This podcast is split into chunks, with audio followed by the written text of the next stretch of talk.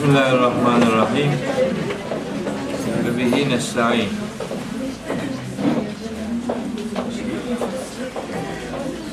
Bugün inşallah Taha suresinin 24.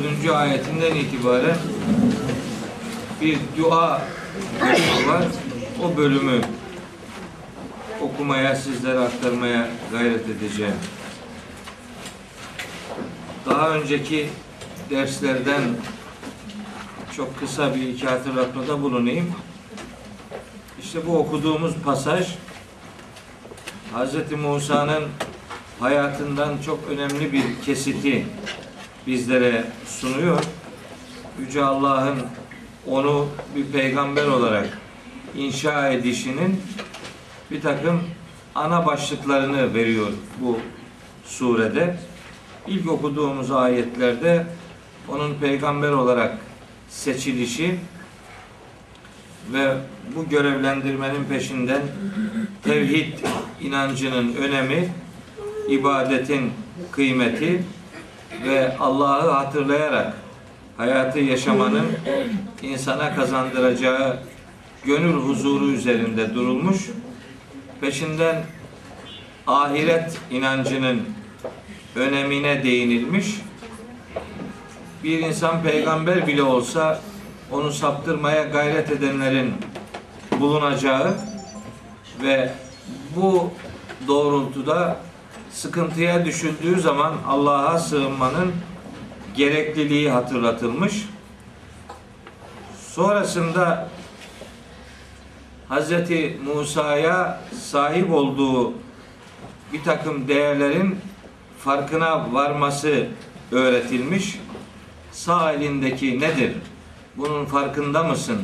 sorusu sorularak Hz. Musa birkaç ihtiyacını karşılamış olmasını hatırlatarak başka faydaları da elbette bu asanın bana başka faydaları da var demiş ama Yüce Allah hakikatlerin görünenden ibaret olmadığını insanların bilemediği türden başka gerçekliklerin de bulunduğunu ona işte bu asa mucizesiyle öğretmiş. Asanın elinde yılana dönüşebilme imkanını ona bir mucize eğitimi olarak göstermiş. Sonra elinin bembeyaz oluşunu gündeme getirerek bir başka sıkıntılı süreçten sonra insanın tevbe etmesinin ona sağlayacağı güzelliklere temas edilmiş. Yedi beyza dediğimiz beyaz el mucizesine de çok kısaca birkaç ayetlik bölümle temas edilmiş. Ondan sonra Yüce Allah Hazreti Musa'yı tebliğ vazifesini yerli yerinde yapabilsin diye Firavun'a doğru gönderme emrini ona vermişti. Şimdi bugün okuyacağımız ayet grubu işte bu tebliğin başlatılması anlamındaki Hz. Musa'ya yönelik ilk emir ile başlıyor. Tebliğ anlamında ilk emir ifade şu 24. ayette Estağfirullah İzheb ila firavune sen şimdi Firavun'a git innehu tara o çok azgınlaştı. Çok azgınlaşan Firavun'a git.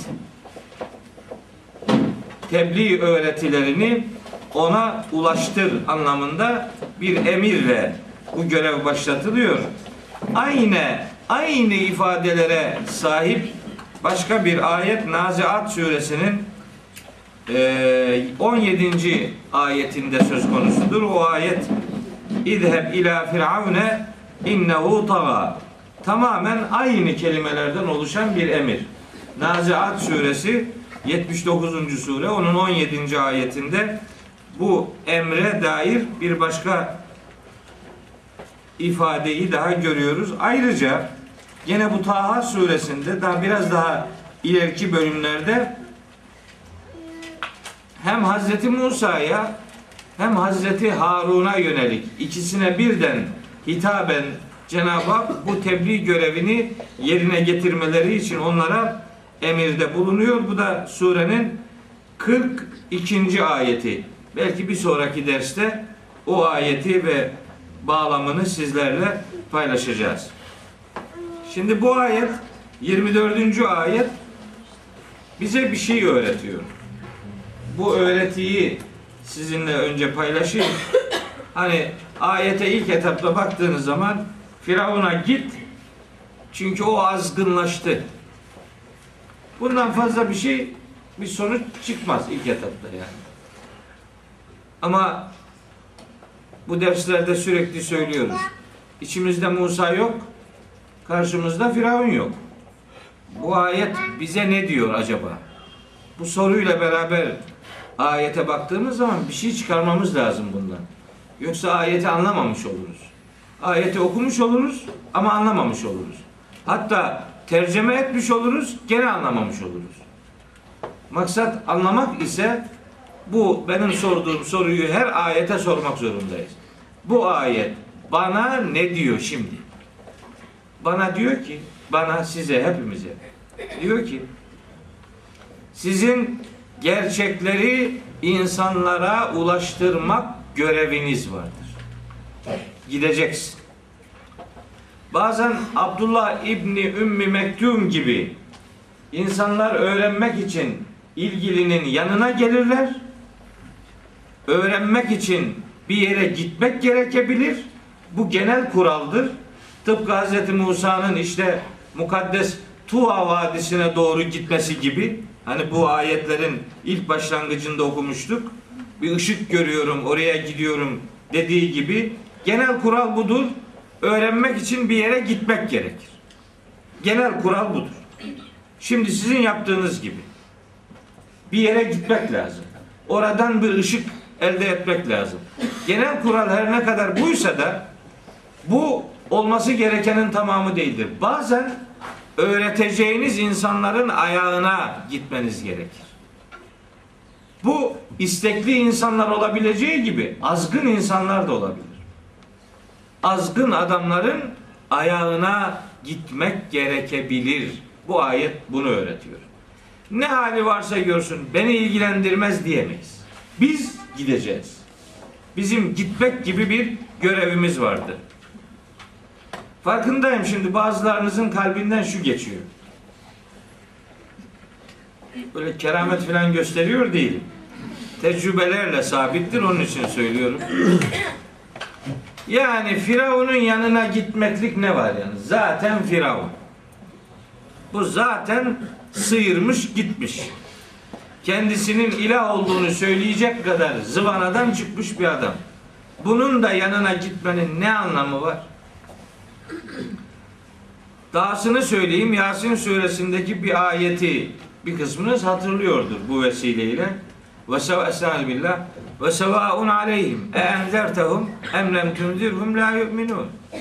Onları uyarıp uyarmaman birdir. İman etmezler bu adamlar. Sevaun aleyhim. Sevaun aleyhim demek onlara birdir. Uyarıp uyarmaman onlarda sonuç değiştirmeyecektir. Fakat sen uyarsan da olur, uyarmasan da olur anlamına gelmez. Eğer o anlama gelseydi ve sevaun aleyhim olmayacaktı. Ve sevaun aleyke olacaktı. Senin için birdir. Uyarıp uyarmaman birdir. Öyle değil. Senin görevin uyarmaktır. Sonuçtan etkilenip etkilenmemek senin işin değil. O adamın işidir. İster etkilenir, istemezse etkilenmez. Hani Bakara suresinin 6. ayetinde de var ya İnnellezîne keferu sevaun aleyhim e enzertehum em lem tunzirhum la yu'minun. Aynı ifade. Kafirleri uyarıp uyarmaman onlar için birdir. Senin için bir değil. Senin görevin uyarmaktır. Tabi bazı ayetler var. Onların tercümelerini bir garip bir şekilde yapınca insanların zihni karışıyor ister istemez. Mesela Ala suresinin şu ayetini hatırlatayım size 9. ayeti. Fezekkir in nefaati zikra.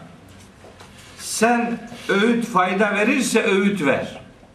Öyle tercüme ediliyor. Yanlış bu tercüme. Ne bilecek öğüdün kime fayda vereceğini peygamber? Peygamber peygamber olduğu için gaybı filan bilmez. Onun görevi öğüt vermektir. Fezekkir innema ente müzekkir. Sen öğüt ver. Senin işin öğüt vermektir. Muhatap oradan etkilenir ya da etkilenmez. O onun bileceği bir iştir. Onun ne yapacağına bakarak sen görevini öteleyemez ya da terk edemez. Görev görevdir. Öyle değil mi? Sonuca bakarak yapılacak iş eğer karar verilecekse mesela Cenab-ı Hakk'ın Hazreti Musa'yı Firavun'a hiç göndermemesi lazım. Neticede onun inanmayacağını Cenab-ı Hak elbet biliyor. Ama mesele onun inanıp inanmaması değil. Mesele bir peygamberin görevini yapmasıdır. Peygamber görevini yapacak. Nedir o görev? Tebliğ görevi. Hatta bir başka ayeti daha sizlere hatırlatayım. Orada buyuruyor ki Yüce Allah. Gene İsrailoğulları ile alakalı bir pasajda geçiyor. Araf suresinin 164. ayeti. Ve iz galet ümmetun minhum. İçlerinden bir grup şöyle dedi. Lime ta'izune kavmen. Şu kavme niye nasihat ediyorsunuz ki? Allahu muhlikuhum. Allah bunları helak edecek zaten.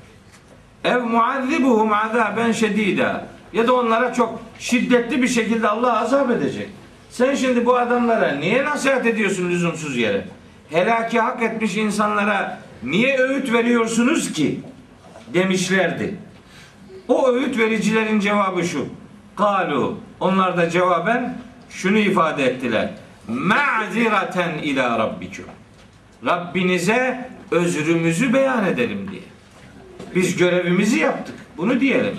Hem ve leallehum yettekun. Belki de duyarlı davranırlar. Ne malum? Bilmeyiz. Allah bilir ama biz bilmeyiz. Biz bilmediğimiz için görevimizi yapacağız. Yani tabirimi mazur görün aman yanlış anlamayın. Müslümanın görevi nişan almaktır. 12'den vurmak değil. Bazen karavana bile atabilir. Hiç mühim değil. Görevi onun nişan almaktır. 12'den vurduğu olur, 11 olur, 7 olur, 6 olur, bilmem ne olur filan. Orası önemli değil.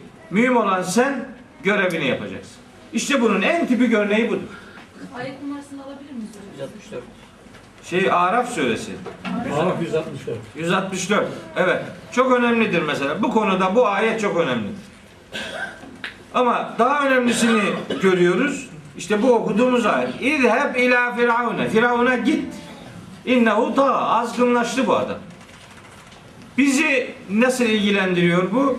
Bizi ilgilendirme biçimi şu. Biz ayrım yapmadan herkese tebliğ görevimizi yerine getireceğiz. Ama adam ısrarla karşı çıkıyorsa siz de ısrar edip adamı daha da zıvanadan çıkartmak durumunda değilsiniz. Siz bir defa iki defa görevinizi yapacaksınız. Çok ısrar etmenize gerek olmayabilir. Ama bu fırsat buldukça siz durumun müsait olduğunu gözlemlediğiniz zaman tebliğcilik görevinizi yerine getirmelisiniz. Çünkü kainatta hiç kimse Firavun kadar azgınlaşmamıştır. Ona bile tebliğci gönderildiğine göre şu gün yaşadığımız dünyada tebliği hak etmeyen hiç kimse yoktur. Herkese bu görevi yaparak mesajı ulaştırmak bizim Müslüman olarak görevimizdir. Bu görevimizi öteleyemeyiz, terk edemeyiz. Bu görevden kendimizi uzak sayamayız. Evet. İzheb ila firavune innehu taga. Bu ayetin verdiği mesaj yaklaşık olarak bu sözünü ettiğim cümleleri hatırlamamıza vesile olmalıdır. Şimdi Yüce Allah bu emri Hz. Musa'ya verdi. Bakın Hz. Musa ne cevap veriyor? Hz. Musa işin çok zor olduğunu biliyor. Çok zor. Hatta normal şartlarda baksanız olmayacak bir iş. Ama bir peygamber asla bir görevi yapmamak gibi bir şeyi düşünmez. Düşünemez. Öyle bir şey düşünen adam peygamber olmaz zaten. Görevi yapmamak, verilen emri yapmamak. Bir takım sıkıntılar izhar edebilir. Ama mutlak manada görevi yapmaması bir peygamberin söz konusu değildir. Sıkıntılar olabilir. Bu sıkıntıları Kur'an bize hatırlatıyor. Biz Hz. Musa'nın hayatındaki bu sıkıntıyı şimdi okuyacağız. Hatırlatıyor. Niye biliyor musunuz? Peygamberimize demek istiyor ki Ey Muhammed senin işin onlarınkinden daha zor değil. Onun için hatırlatıyor burada. Senin işin daha zor değil. Onların işleri daha zordu. Onlar ki bu zorluğun altına elini taşın altına koydular. Sen de haydi haydi bu görevi yapacak herhangi bir yüksünme içerisine girmeyeceğiz. Yoksa bunları Hz. Musa hayatının bir bölümünü Hz. Peygamber anlatmanın bir anlamı olmaz. Onların işi zordu, seninki o kadar zor değil. Onun için anlatıyor. Bir, ikincisi bir insan bir başkasına bir şey tebliğ edecekse nasıl bir yol takip etmelidir? Şimdi Hz. Musa'nın cümleleri bu noktada bizlere bilgi vermektedir. İnsan peygamberin ağzından dökülen şu cümleler çok dikkat çekici. Kale demiş ki Hz. Musa Rabbi Ey Rabbim İşrah li sadri Ya Rabbi benim için yüreğimi ferahlat. Benim için kalbimi genişlet. İşrah li sadri. Benim için yüreğimi ferahlat. Gönlümü ferah tut. Bakın İşrah li oradaki li edatı çok manidar bir konumdadır. Göğsümü fe- ferah tut. Yüreğime genişlik ver. Anlamı tam doğru bir tercüme değildir. İşrah sadiri olsaydı o anlam söz konusu olurdu.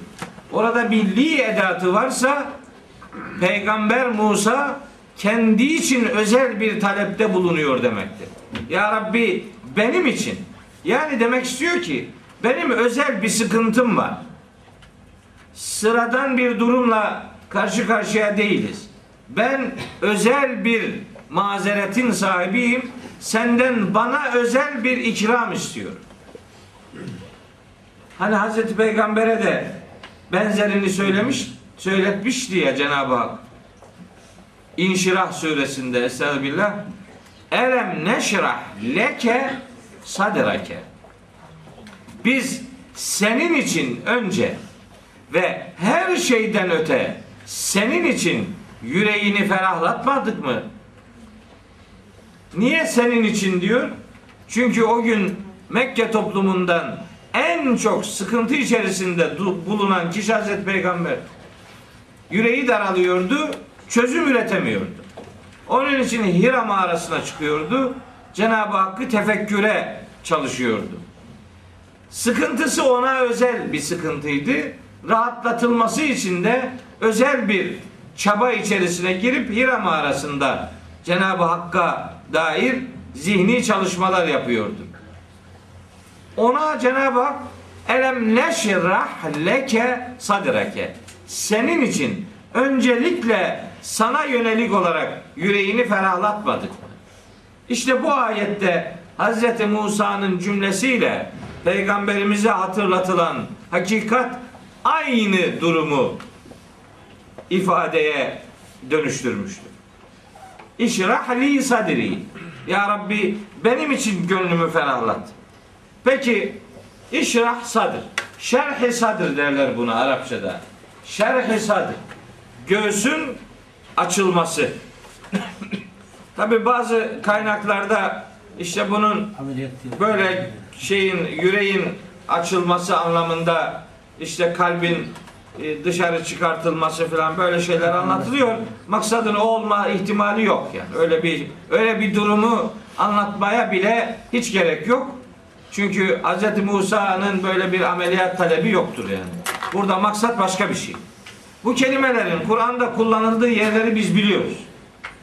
Mesela biri İnşirah suresindeki peygamberimizin göğsünün, gönlünün rahatlatılmasıdır. Nedir oradaki şerh-i sadr denen şey? Yani yüreğin rahatlatılması nedir? Ve vada'na anke vizreke ellezî engada zahreke.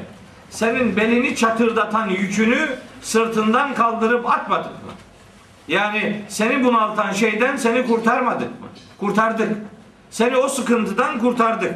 Demek ki şerh-i denen göğsün açılması demek insanın manen sıkıntı içerisine düştüğü bir zor durumdan kurtarılması demektir. Şerh-i bu demek. Yoksa fizi- fizyolojik olarak herhangi bir yarma yarılma işlemi söz konusu filan değildir. Şerh-i insanın ağır yükümlülüklerden kurtarılması, rahatlatılması demektir. İnşirah suresinin ilk üç ayetinden bunu anlıyoruz. Bu kavram başka yerlerde de geçiyor. Bu şerh-i. Mesela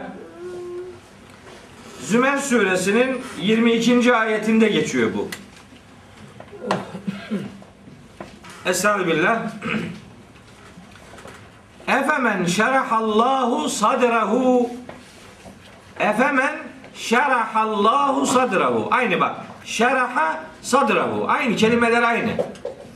Allah gönlü Allah'ın gönlünü açtığı adam şuna benzer mi diye ayet uzun bir ayet. Gönlünü açmak. Gönlünü açmak neye açmak? Lil İslami.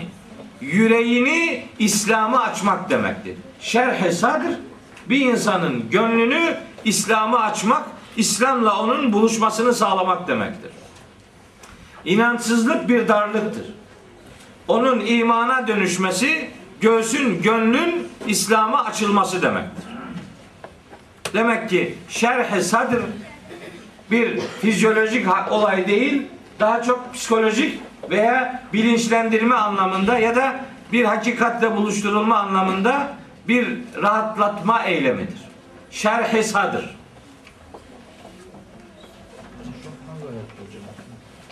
Zümer 22. Zümer 39. suredir. Onun 22. ayeti. O ayetin devamında bir cümle daha var. Şerh-i sadri bize anlatan, açıklayan bir cümle de odur. Orada diyor ki Yüce Allah. Billah. Feveylün lil kasiyeti kulubuhum min zikrillahi. Kalpleri Allah'ı hatırlamaktan kasvette bulunanlara yazıklar olsun. Kalpleri Allah'ı zikretmekten uzaklaşmış, kararmış insanlara yazıklar olsun.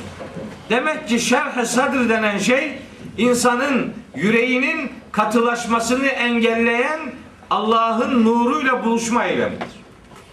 Şerh-i sadr yüreğin katılaşmasını engelleyecek şekilde Allah'ın nuruyla buluşturulma eylemidir. Kelimenin Kur'an'daki kullanımlarından biri de budur. Şerh-i sadra Kur'an'ın getirdiği anlamları sizlere aktarmaya gayret ediyorum. Sonra Hz. Musa'nın duasını güne getireceğiz. Biz bundan ne anlayacağız bugün? Onu söyleyeceğiz. Önce kavramı doğru yerli yerinde anlayalım diye Kur'an'ın kavrama yüklediği anlam derinliklerini, inceliklerini sizlere ifade ediyorum. Bakın mesela En'am suresinin 125. ayeti var. En'am suresi 6. suredir. Onun 125. ayetinde buyuruyor ki Yüce Allah. Femen yuridillahu en yehdiyehu yeşrah sadrehu lil İslami. Allah kime hidayet etmek isterse onun gönlünü İslam'a açar. Hidayet isteyen insana Allah hidayet eder.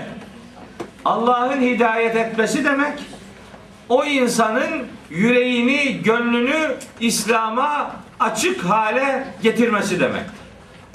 Şerh-i sadr budur. Şerh-i sadr yani göğsün açılması demek onun hida hidayet gerekçesiyle İslam'la buluşturulması demek. Ayetin devamında çok nefis bir ifade daha var. Geçen hafta o ayete ufak başka bir vesileyle temas etmiştim. Ve men yurid en yudillehu. Allah kimin de sapıklıkta kalmasını onaylarsa yec'al sadrahu onun da göğsünü şöyle yapar. Dayyikan haracen sıkıntılı, zor, dar yapar o, o adamın gönlünü. Keennema yessa'adu fis semai. Sanki göğe yükseliyormuş gibi yüreğini daraltır. Demek ki şerh-i sadr denen şey bir insanın yüreğinin daralmasının zıddı yüreğinin açılması, ferahlaması demektir. Bu verdiğim dört tane anlam şerh-i sadr dediğimiz yüreğin ferahlatılmasının olumlu anlamdaki karşılıklarıdır. Olumlu, iyi, düzgün, hidayetle, İslam'la, efendim, hakikatle buluşturulma anlamında gönlün, yüreğin ferahlatılması demektir. Bakın bu kelime ters bir anlamda da kullanılıyor.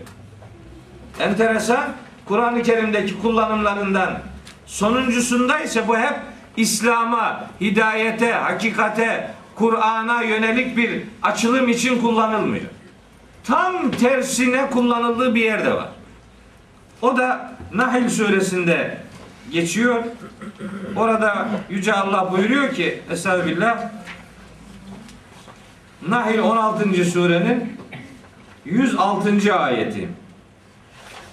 Buyuruyor ki 16. sure 106. ayet Men kefere billahi min ba'di imanihi Kim iman ettikten sonra Allah'a karşı nankörlük yaparsa, inkar ederse İlla men ukrihe ve kalbuhu mutmainnun bil imani yani kalbi imanla dolu olmasına rağmen kendisi zorlama altında bulundurulan hariç kim Allah'a imanından sonra inkara düşerse yani velakin men şeraha bil küfri sadra yani kim yüreğini küfre açarsa şeraha sadr bak aynı kelimeler kullanılıyor bu defa hep şeraha sadr şerh sadr hep İslam, hakikat, Kur'an, hidayet gibi o anlamlarda kullanılmıyor. Bunun yüreğini küfre açma anlamı da var. Kim yüreğini küfre açarsa yani kafir olmayı tercih ederse imanından sonra kim yüreğini küfürle doldurursa fe aleyhim gadabun minallahi. Onların üzerine Allah'ın gazabı gelecektir. Ve lehum azabun azim. Onlar için büyük, ağır bir azap söz konusu olacaktır. Niçin? Zalike bi ennehum. Çünkü bu adamlar istehabbul hayated dünya alel ahireti. Bu yakın hayatı ahirete tercih ettiler. Ahirete bu hayatı ahirete tercih edenler yüreğini küfürle dolduranlardır. Bunu şunun için söyledim bu kavramı. Yani biz bir kavramı doğru anlayabilmek için o kavramın içerisine Kur'an'ın yüklediği bütün anlam çeşitliliklerine sahip olmalıyız. Yoksa işte başka bir anlam verir adam. Hiç kelimede olmayan bir anlamı oraya sokuşturur. Böylece siz çok kolay anlaşılabilecek bir şeyi artık anlamaz olursunuz. Bu defa sizi bir şeylere inandırmaya çalışır adamlar. Size bir şeyleri öğretmeye değil de inanmanızı sağlar. Bol bol inandırır sizi. Bu böyleymiş buna inan. Şu şöyleymiş şuna inan der. Hakikatten uzaklaşırız. Biz şerh sadr denen şeyi biliyoruz artık.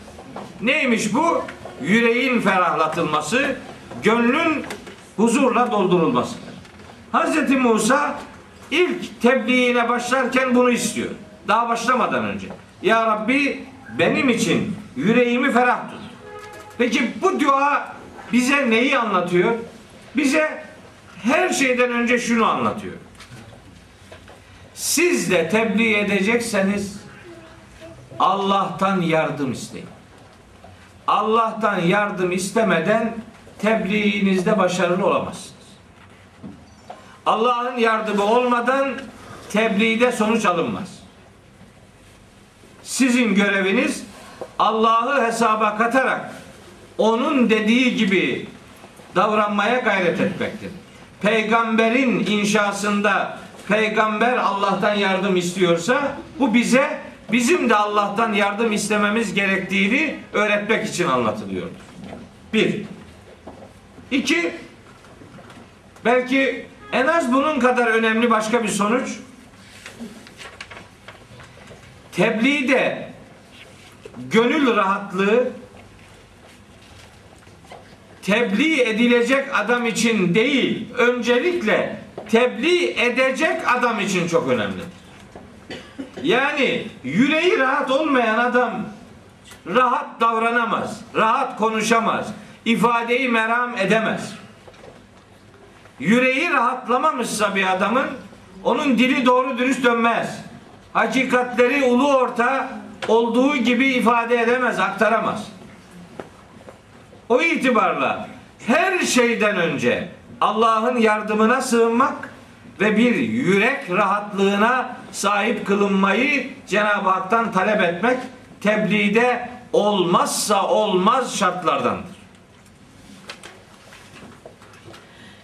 Hz. Musa'nın bu yürek ferahlatılma duası kendisi için de ayrı bir mazereti olması itibariyle çok dikkat çekicidir. Çünkü diyor ki ikinci ayette duanın ikinci cümlesinde Estağfirullah ve yessirli emri ya Rabbi benim için işimi kolaylaştır. İşinin zor olduğunun farkında. Çok zor bir işe Cenab-ı Hak onu görevlendirmiş. Aslında tebliğ herkese yönelik olarak çok zor değil. Ama bazı durumlar vardır ki çok zordur. İşte Hz. Musa bunu söylüyor. Ve yessir li. O li var ya li. Li işte bu manayı veriyor. Ya Rabbi benim için benim özel durumum var demek istiyor. Bu özel durumuma uygun bana bir kolaylık ihsan eyle. Biz bu kolaylıkla ili alakalı Kur'an-ı Kerim'de çok şeyler biliyoruz. Kolaylıkla alakalı. Bakın gene İnşirah suresinde Yüce Allah Hazreti Peygamber'e işinin zor olmayacağını her zorlukla beraber en az bir tür kolaylığın olduğunu ona müjdelemişti. Fe inne ma'al usri yusran inne ma'al usri yusra. Bilesin ki her bir zorluğun bir çeşit kolaylığı vardır. Hiçbir zorluk en az iki kolaylıktan daha zor değildir. Zorluk olabilir ama bilinmelidir ki o zorluğun üstünde onu mağlup edecek kolaylıklar vardır. İnne me'al usri yusra o iki defa tekrarlanmasının sebebi odur. Arapçada çok önemli bir kural orada söz konusudur. Biraz hafif Arapça söyleyeyim. Marife bir kelime yani başında eliflam olan bir kelime aynı formda peş peşe iki defa gelir ise onun cevabı durumundaki kelime de nekre olarak aynı kalıpta gelirse bu en az iki kat manası verir. Arapçada kuraldır. Tabi biraz ağır kaçtı ama bu kural. Hani bunu anlayacaklar da var içinizde de onun için söylüyorum. Marife, marife bir kelime. Eliflamlı bir kelime. Aynı formda peş peşe iki defa gelirse onunla beraber eliflamsız bir kelime aynı formda nekre olarak belirteç edatı olmadan gelirse o nekre en az iki manası verir. Bu kuraldır. Arapça kurallarından bir tanesidir. Bu kuralı çalıştıran Hazreti Peygamber o ayetin tefsirinde şöyle diyor. Muazzez peygamber Efendimiz sallallahu aleyhi ve sellem o ayetleri tercüme ederken buyuruyor ki len taglibe usrun yusreyni hiçbir zorluk iki kolaylığa galip gelemez. Hiçbir zorluk iki kolaylığın üstesinden gelemez.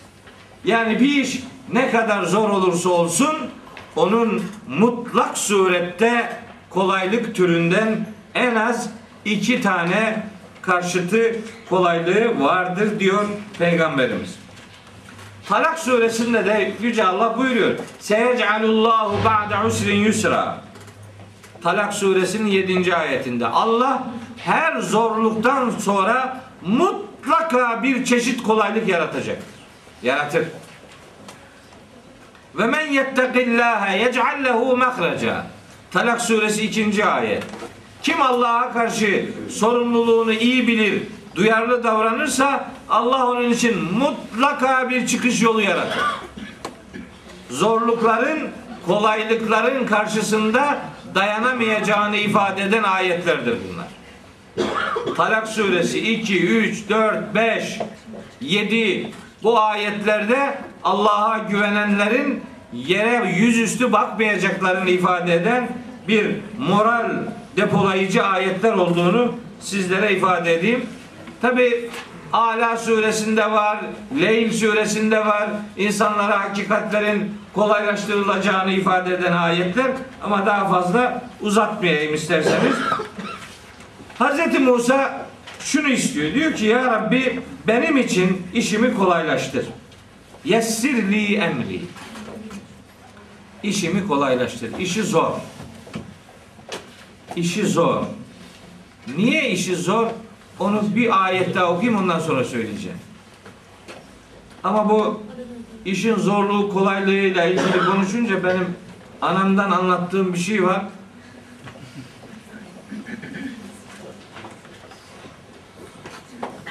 Anam bir gün yanımda arabada oturuyor.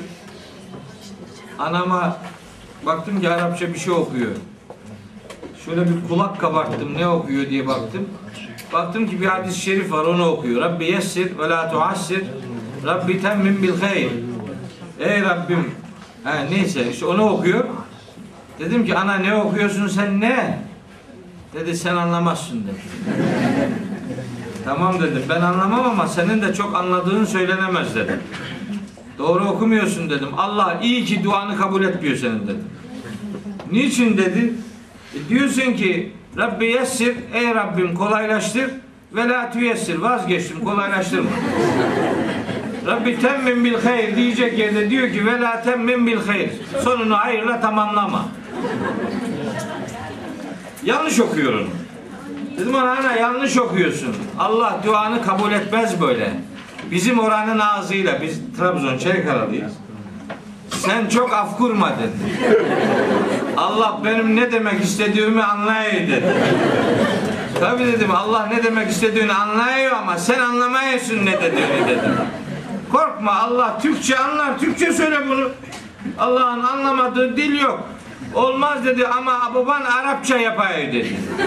Babam Arapça biliyor sen bilmiyorsun dedi.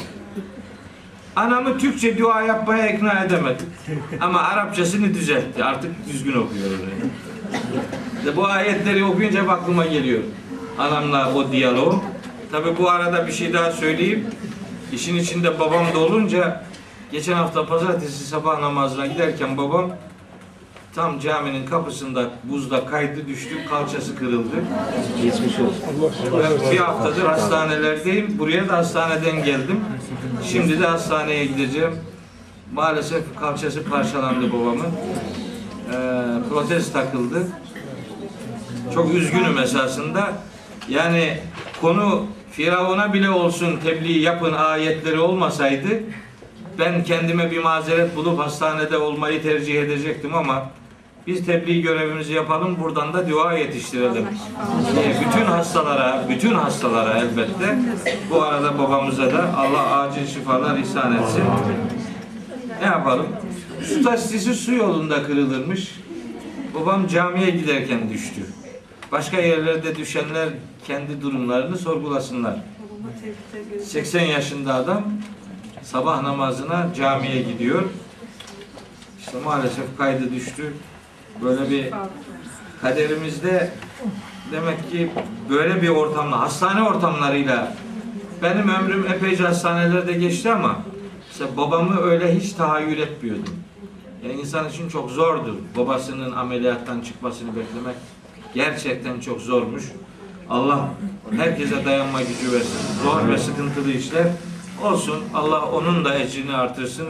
Bizi de imtihanı kaybetmeyenlerden eylesin diye dua edelim. Evet. Hz. Musa dua ediyor. Diyor ki ya Rabbi yüreğimi ferah tut. Benim için gönlümü ferahlat ya Rabbi. Ya Rabbi benim işim zor. Benim için işimde kolaylıklar ihsan eyle. Ve ondan sonra bakın ne diyor.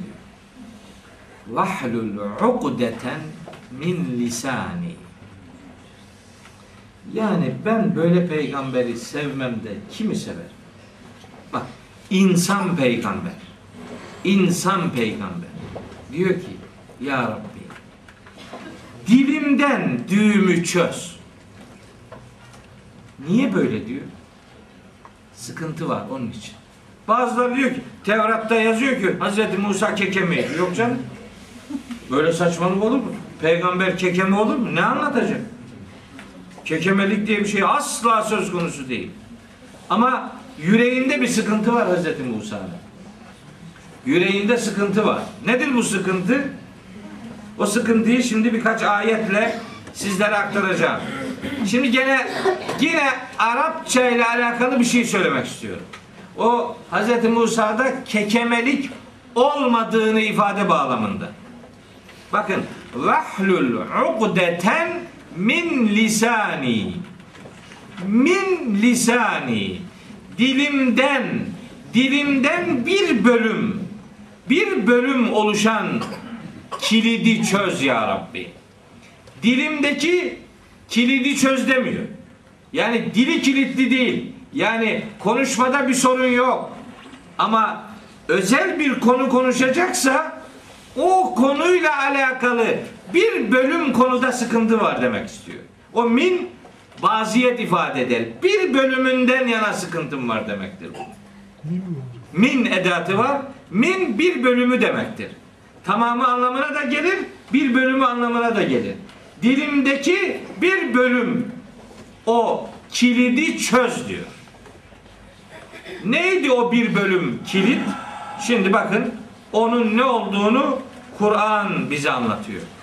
Kendimiz hiçbir şey anlatmaya, üretmeye eee, çalışmayalım. Kendisi bakın. İnsan peygamber. Ben Kur'an'da peygamberleri tanıyınca Allah'ın peygamberlik sistemini ne kadar mükemmel şekillendirdiğini gözlemledim. Kur'an'dan anlatılınca ama. Başkalarının anlatmasıyla değil. Allah'ın anlatışıyla biz nasıl bir peygamber inanışına sahibiz onu rahatlıkla gözlemliyoruz. Bakın diyor ki Hz. Musa Şuara suresinin 26. surede Şuara suresi onun e, 10 10 10. ayetinden itibaren Hz. Musa ile alakalı bölüm başlıyor. Hemen baş tarafta diyor ki Yüce Allah ve iz nada rabbuke Musa. Rabbin Musa'ya seslenmiş demişti ki eni'til kavme zalimine kavme firavune. Şu zalim topluma yani Firavun toplumuna git. Onlara de ki hani ela yettekune başlarına gelecek sıkıntılardan hala korunmayacak mı bu adamlar? Git tebliğde bulun onlara. Şimdi cevap veriyor Hz. Musa. Diyor ki Kale Rabbi ey Rabbim inni ehafu en yükezzibuni Ya Rabbi beni yalanlamalarından korkuyorum. Beni yalanlayacaklar diye korkuyorum. O yalanlanma korkusundan dolayı bak ondan dolayı ve yadîku sadri yüreğim daralıyor benim. İçim sıkıntıyla doluyor. Ve la yantaliku lisani içim sıkıntıyla dolduğu için Dilim yürümüyor, dönmüyor. Sıkıntı var. Adamlar beni yalanlayacaklar. Benim yüreğim daralacak. Bu ikisinin sonucu olarak dilim dönmeyecek benim. Böylece fersil ila Harun. Ya Rabbi Harun'u da gönder. Ve ve bakın şu cümle asıl cevap şu. Ve lehum aleyye zembun fe ahafu en yaktuluni. Ya Rabbi onların lehinde benim aleyhimde bir günah var ortada. Beni öldürmelerinden korkuyorum. Ne yapmıştı? Kavga eden iki delikanlıdan biri yardım istemişti. Yardım isteyen kendi taraftarlarından biriydi. Onun tarafını tutarak öbür adama bir yumruk attı. Adam öldü. O öldükten sonra oradan kaçtı. Ta Medyen'e doğru gitti. Şimdi Medyen'den geri dönecek. O delikanlıyı öldürdüğü yere. Şimdi şundan korkuyor Hazreti Musa. Şimdi din adına bir şey söyleyecek o millete. Ne diyecekler onlar? Sen mi bunu diyorsun? La suçsuz adam öldürdün ya sen. Şimdi bu iş senin işin mi? Hazreti Musa diyor ki ya Rabbi ben onların yanına gitmekten korkmuyorum aslında. Beni yalanlamalarından korkuyorum. Çünkü bana söyleyecek sözleri var bu adamların. Beni yalanlarlarsa benim yüreğim daralır. Yüreğim daralırsa dilim dönmez benim. Hakikatleri doğru dürüst söyleyemem ben bu adamlara. Bakın tebliğde doğru bir psikolojinin ne kadar önemli olduğunu öğretiyor. Yüreğiniz rahat olacak. Bir korkunuz olmayacak ki ifadeyi meramınız düzgün olsun. Onun için Rabbi şrahli sadri dedi. En başta ya Rabbi gönlümü ferahlat dedi. Çünkü ferahlatılmayan gönül kelimeleri doğru düzgün aktaramaz karşı tarafa. Gönlü parçalanmış bir adamın dilinden düzgün cümleler dökülmez. Onun için münafıklara Allahu Teala diyor ki onların yürekleri paramparçadır. Tahsebuhum cemiyan. Hepsini sen bir görürsün ama ve kulubuhum şetta. Onların kalpleri paramparçadır. Bölük pörçüktür, delik deşiktir. İşte insan peygamber. Ama korkusunu sadece öldürülmek diye belirlemiyor. Asıl korkum diyor beni yalanlayacaklar. Onun korkusu tebliğde başarısız olma korkusudur. Yoksa mahza bir ölüm korkusu filan değil. Bakın ilk sıraya beni yalanlamalarından korkuyorum cümlesini yerleştirmiştir. Sonra da beni yalanlamalarından öte adamların lehinde bir koz var. Ellerinde bir koz var. Benim onlara karşı bir suçum var. Beni öldürmek isteyeceklerdir bu adamlar. Beni öldürmek isteyen adama ben bir hakikati nasıl anlatacağım? İyisi mi? Görevimden kaçmıyorum. Ben bu görevi yapmam demiyorum. Beraberimde bana bir yardımcı ver. O ayet geliyor tabi. Ta da onu okuyacağız. Şimdi yaklaştık.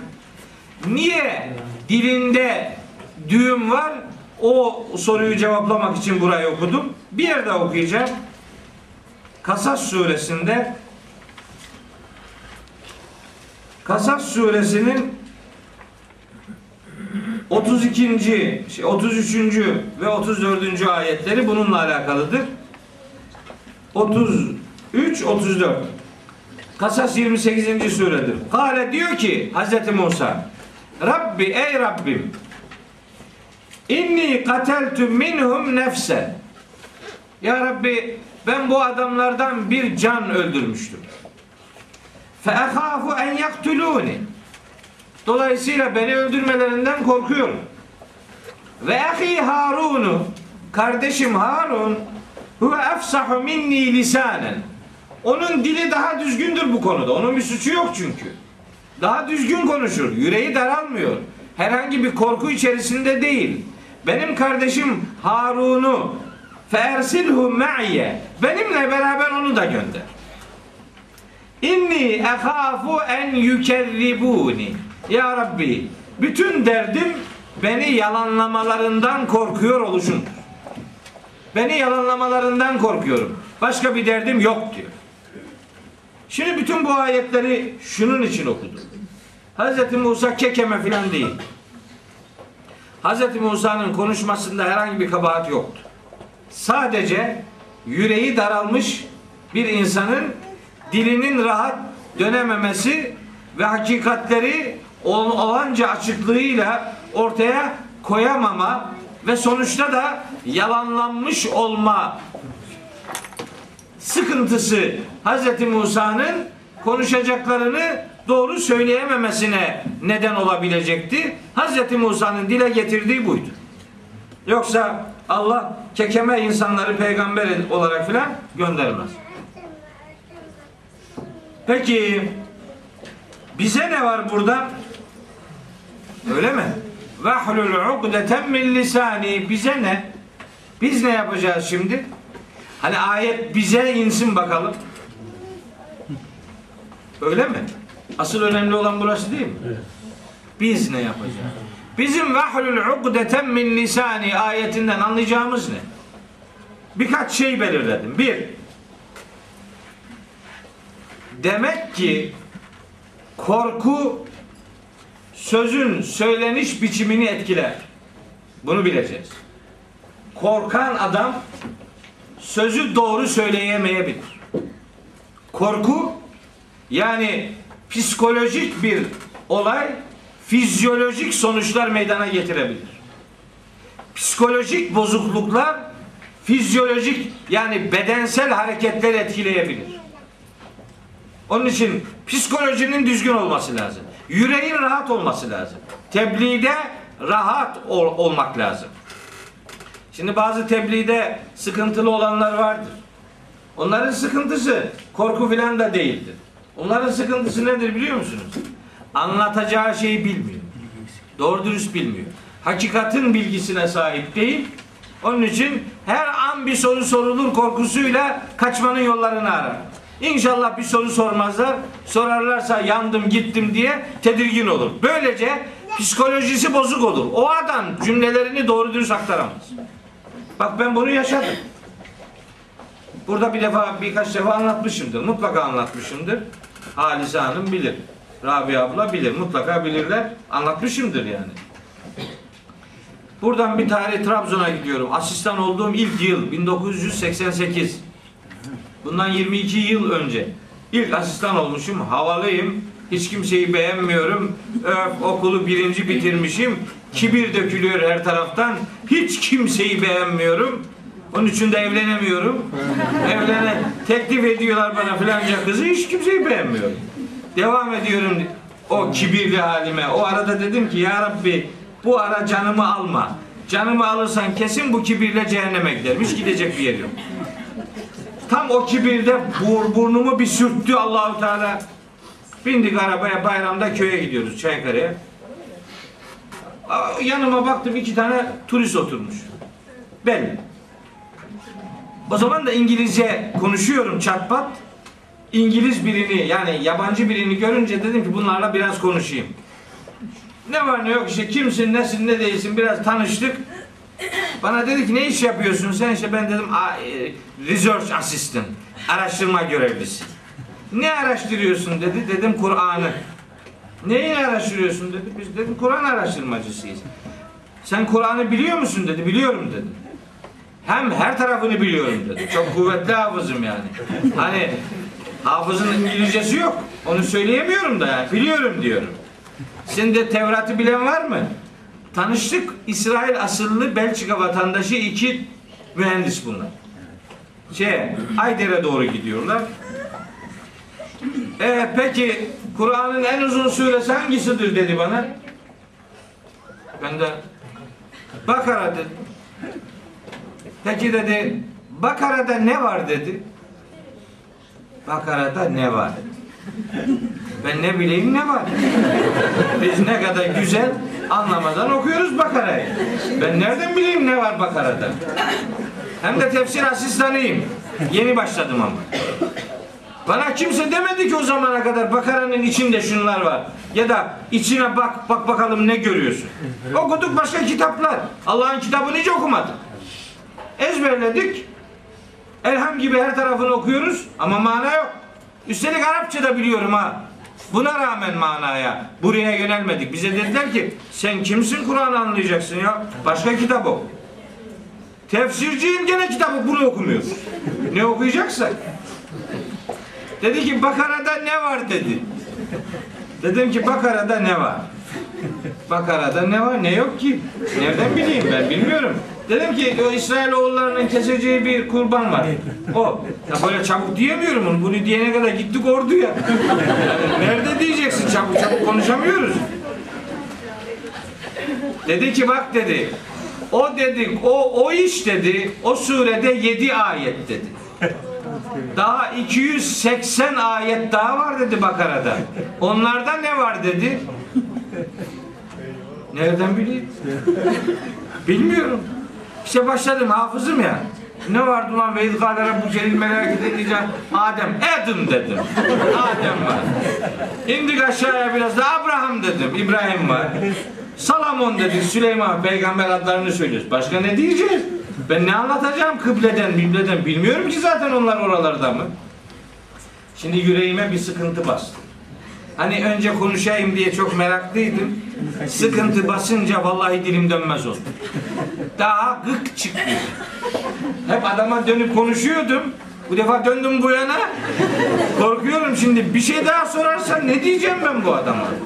Adam Tevrat'tan sormuyor ki Kur'an'dan soruyor. Bizim kitaptan soruyor ve bizde kık gık yok.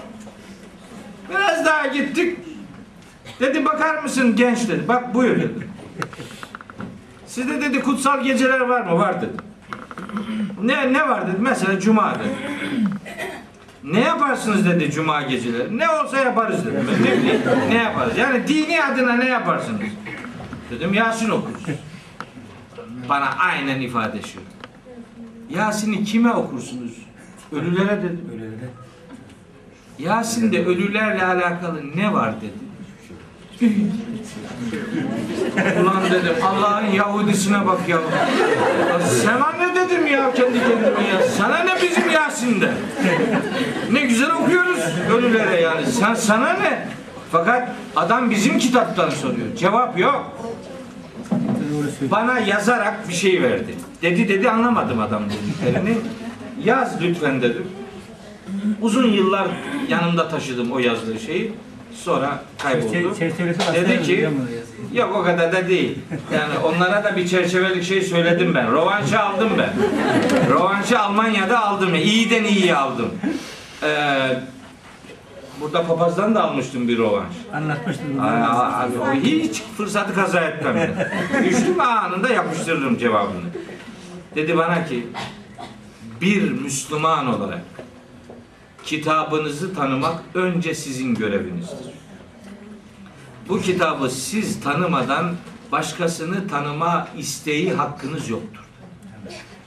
Sen kendi kitabını tanımadan kime ne kitap tanıtacaksın? Sana ne?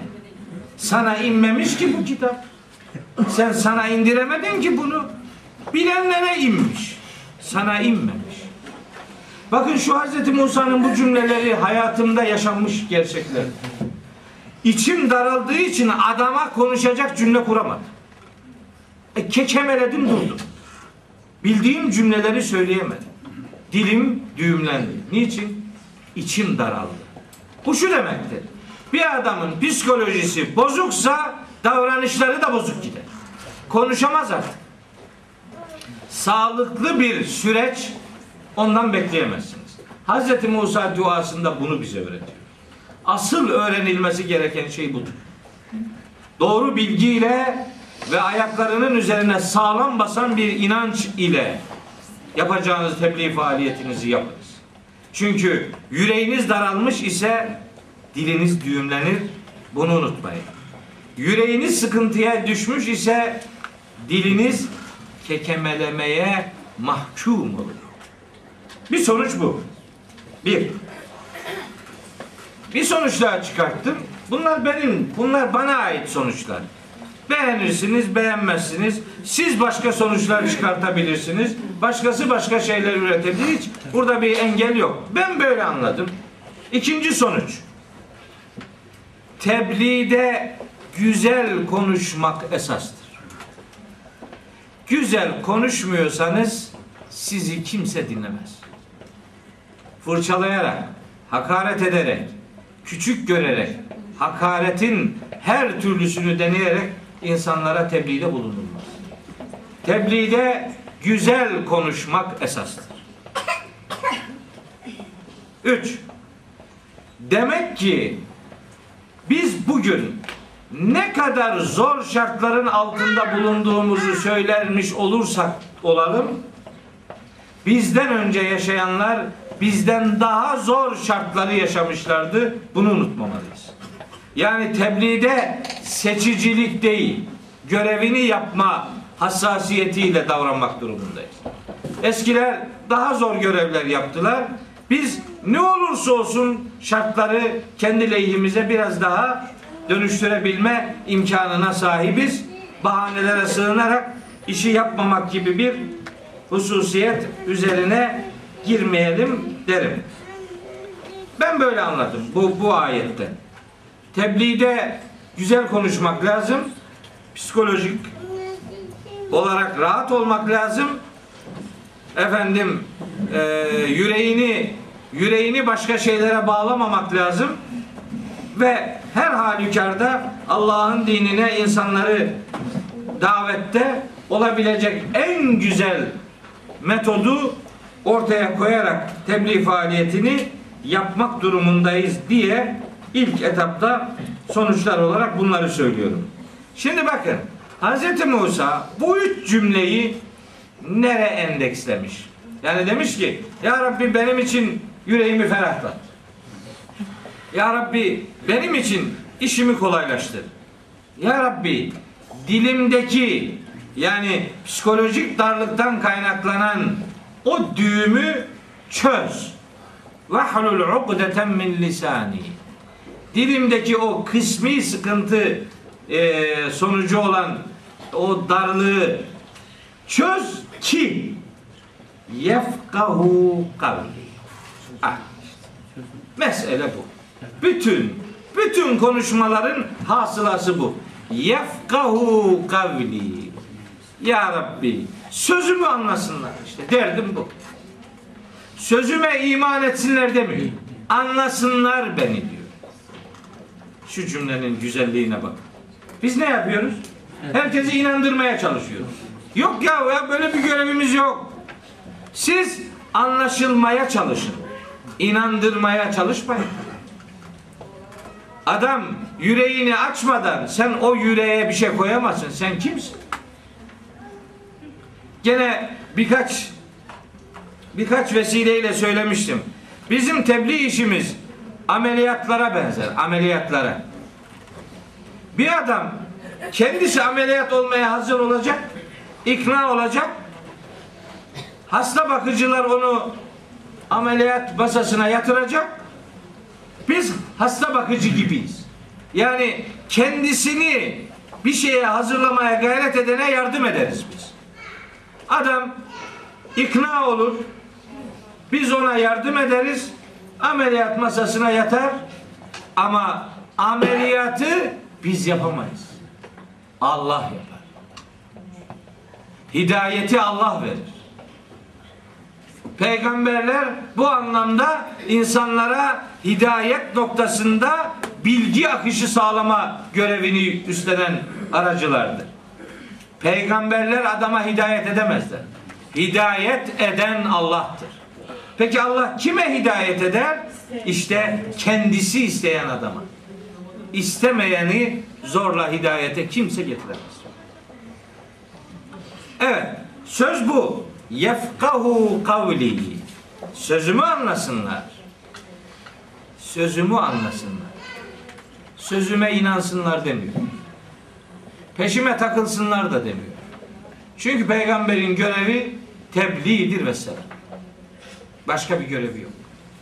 Gerisi, gerisi adama kalmış. Ve onun iradesi doğrultusunda Cenab-ı Hakk'ın müdahalesine kalmış. Biz ne biliriz? Evet. Demek ki bu ayetten şunu da çıkartırız biz. Dildeki düğüm çözülsün diyenler hem tebliğde bulunacak adam için bu düğümü çözmenin önemini ortaya koyuyor. Hem de düğümü çözülmüş adamın sözleri karşı tarafta daha kolay anlaşılır. Bu mesajı verir. Siz düzgün konuşursanız karşı taraftaki de bunu düzgün anlayabilir. Siz yanlış, eğri büğrü konuşursanız söz karşı tarafa daha da yanlış gider. O itibarla dildeki düğümün çözülmesinin anlatmanın yanında anlamada da çok etkili bir rol üstlendiğini ifade edebiliriz. Dildeki düğüm anlatmanın yanında anlamada da son, son derece önemlidir. Bir, iki. On yıllardır söylediğim bir cümleyi şimdi bir daha söylüyorum. İşte Hz. Musa'nın cümlesi benim delillerimden biridir. Bir sözün söyleniş gayesi anlaşılmaktır. Anlaşılmak için konuşmak lazım. Anlaşılmamak için konuşulmaz. İnsanlar anlaşılmak için konuşmalıdırlar da Allah anlaşılmamak için konuşmuş olabilir mi? Biz anlaşalım, anlaşılalım diye konuşuruz da Allah anlaşılmamak için konuşmuş olabilir mi? Elbette hayır. Biz anlaşılmak için konuşmak durumundayız. Çünkü Allah'ın kelamının gönderiliş gayesi de budur. Bu konuda onlarca ayet var. O ayetleri defalarca söyledim. Bir daha söylemiyorum. Evet. Gönlü rahat olmayan bir adamın dili rahat dönmez. Dili rahat dönmeyen bir adamın sözü doğru karşı tarafa doğru gitmez. Yüreği sıkıntılı olan bir adam ifadeyi meramda güçlük çeker. Bunun tersi olacak ki doğru olsun. Yani yüreği rahat olacak, dili düzgün bir ifadede bulunacak ki karşı taraf bundan etkilenmenin imkanlarını arasın. E, geçmişlerimiz söylemişler. Kem aletle kemalat olmaz derlermiş. Yani yanlış şeyler kullanarak doğru sonuca ulaşılmaz. Doğru bir metot, doğru bir usul takip edeceğiz ki sonuç doğru olsun, doğru bir şeyle buluşmanın imkanıyla yüz yüze gelelim. Bakın neticede Kur'an-ı Kerim'de mesela tebliğde insanların nasıl davranmaları gerektiğini ifade eden ayetlerden birkaç tanesini size hatırlatayım. Mesela Ankebut suresinde var. Ve la tucadilu ehlel kitabi illa billeti ahsen. Siz kitap ehliyle en güzel şekilde tartışın. Ankebut 46. ayet. Yani 29. surenin 46. ayeti. Kitap ehliyle en güzel şekilde mücadele ediniz diyor. Başka bir başka bir tebliğ biçimimiz yok. Nahil suresinin 125. ayeti. 16. sure 125. ayet. Buyuruyor ki Yüce Allah. Ud'u ila sebili rabbike. Sen Rabbinin yoluna şöyle davet et. Bil hikmeti. içi dolu sözlerle. Hikmet o demek. İçi dolu sözler. Vel mev'izatil haseneti. En güzel nasihatlerle Rabbinin yoluna davet et. Ve cadilhum billeti hiye ahsen. Onlarla en güzel şekilde tartış, mücadele. Bizim yolumuz bu. Çünkü biz sözleri söyleyeceğiz. Karşı taraftaki de sözlerin en güzeline tabi olmaya gayret edecektir. Bunun için yüreğimizin rahat, ifademizin düzgün, sunumumuzun da metodik olması lazım. İfadesi düzgün olmayan, yüreği sıkıntılarla paramparça olan bir adamın ifadelerinden karşı tarafın doğru sonuç çıkartması mümkün değildir. Yefkahu kavli sözümü anlasınlar ifadesi bir sözün söyleniş gayesini ortaya koyan nefis bir cümledir. Bakın bu anlamayla alakalı Arapçada bazı kavramlar vardır.